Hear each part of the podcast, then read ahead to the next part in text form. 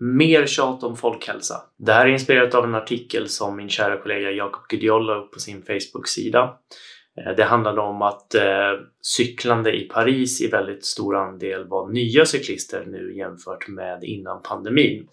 Så i Paris och i många andra europeiska städer så hade man eh, på grund av pandemin och andra orsaker lagt upp provisoriska cykelbanor eller pop-up bike lane som det kallas.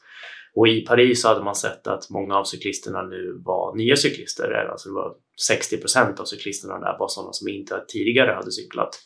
Och det här ekar, eller ja, det går igen i väldigt många andra studier på europeiska länder där man har sett att cyklandet har ökat väldigt mycket i takt med att man har byggt sådana här provisoriska cykelbanor under eh, pandemin.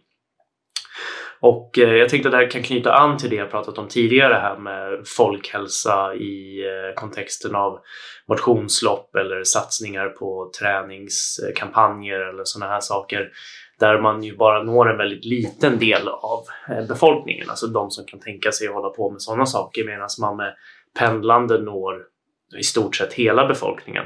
Och det blir ju verkligen en nyckel eftersom för att man ska få en riktig impact på folkhälsan och inte bara på en, en, liten grupps hälsa så måste man ju nå väldigt många. Man måste ha väldigt låga trösklar för att man ska kunna delta i de här interventionerna. Ehm, jag brukar tänka på det här som att så när man pratar om så här cykling och pendling och sådana här bitar så kommer alltid argumentet upp. Men jag som bor i Arvidsjaur och har 35 mil till jobbet, hur tänker du att jag ska kunna cykla dit? Eller jag som har funktionsnedsättningar, hur tänker du att jag ska kunna göra det här?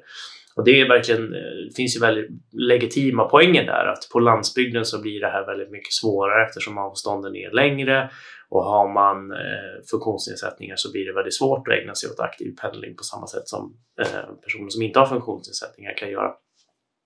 Så jag brukar tänka på att det finns som ett spektra här, liksom, att vi har de personerna som aldrig kommer nås av det här. Det finns inte en chans att det här kommer att gå att tillämpa. Där, där har vi de med liksom extrema avstånd eller förutsättningar på andra sätt eller funktionsnedsättningar eller så.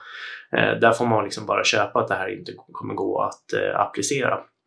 Sen har vi de som liksom skulle kunna göra det men där det krävs ganska stora investeringar i att det ska funka. Det, kan, det är ju även där då landsbygd eller skulle kunna vara personer som har funktionsnedsättningar eh, där man ändå kan hitta lösningar. Liksom. Men det kanske krävs liksom stora investeringar i infrastruktur eller sådär för att skapa möjligheter. Sen har vi ju den väldigt lågt hängande frukten. Det är ju folk som bor liksom i tätorter, i storstäder, friska människor som kan röra på sig Eh, där har man ju en väldigt stor potential att med ganska små medel påverka väldigt, väldigt många människor. Det finns exempelvis en, en modellstudie från 2017 där man har tittat på att om alla i Stockholmsregionen som hade mindre än 30 minuter på att ta sig till eh, jobbet eh, skulle cykla så skulle man kunna öka cyklandet med över 100 000 människor dagligen, vilket i sig skulle spara väldigt många liv årligen bara på grund av de minskade utsläppen. Eh, och då kan man tänka att 30 minuter är ganska lång tid att cykla, så en, en timme om dagen och det, det, kan man verkligen tycka att det är. Men i den studien så såg man att medeldistansen för de här personerna skulle i stort sett vara en kvart, bara några kilometers cykling. Så att med, med väldigt liksom enkla satsningar på infrastruktur så kan, skulle man kunna öka möjligheten för, för folk att ta sig till jobbet, eh, skola med hjälp av cykel eller annat eh, drastiskt för väldigt, väldigt många. Då. Till sist då så har man ju människorna som, som redan gör det här. Det är de redan frälsta, de som man kanske inte behöver sikta in sig särskilt mycket på.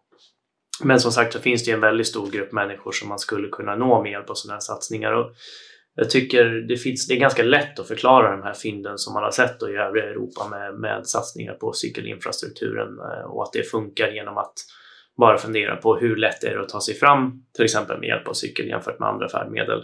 Så jag eh, utnyttjar alla typer av eh, fortskaffningsmedel. Jag både går med och utan barnvagn, springer med och utan barnvagn, cyklar med och utan barnvagn och kör bil.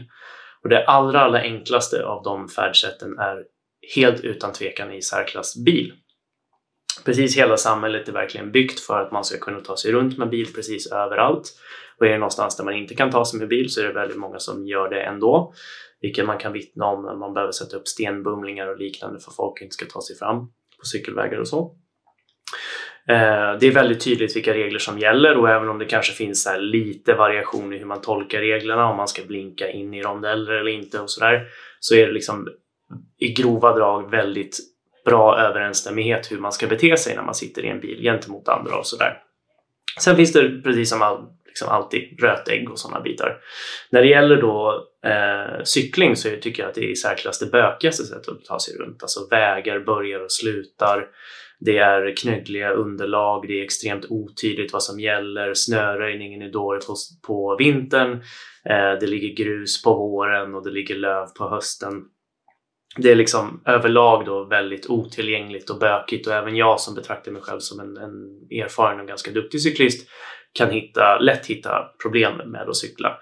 Eh, det är liksom, även här finns det ju rötägg som gör fel precis som det finns med alla andra sätt. Men eh, även om man försöker att göra rätt så är det svårt att göra det för att man vet inte riktigt vad som gäller när man kommer till eh, cykelöverfarter eller övergångsställen och sådär vilket gör att det blir konflikter med eh, bilister, andra cyklister och med gående och sådär. Eh, vilket jag även upplever som gående att det är väldigt svårt att veta hur man ska bete sig gentemot till exempel eh, cyklisterna.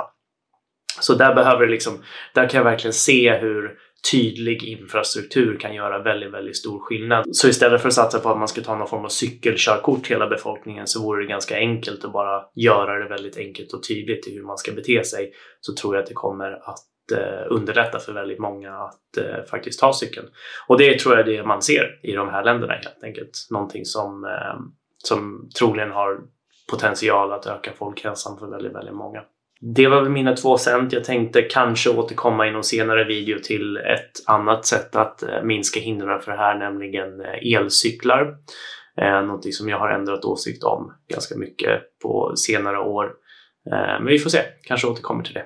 Om inte annat så ses vi när vi ses.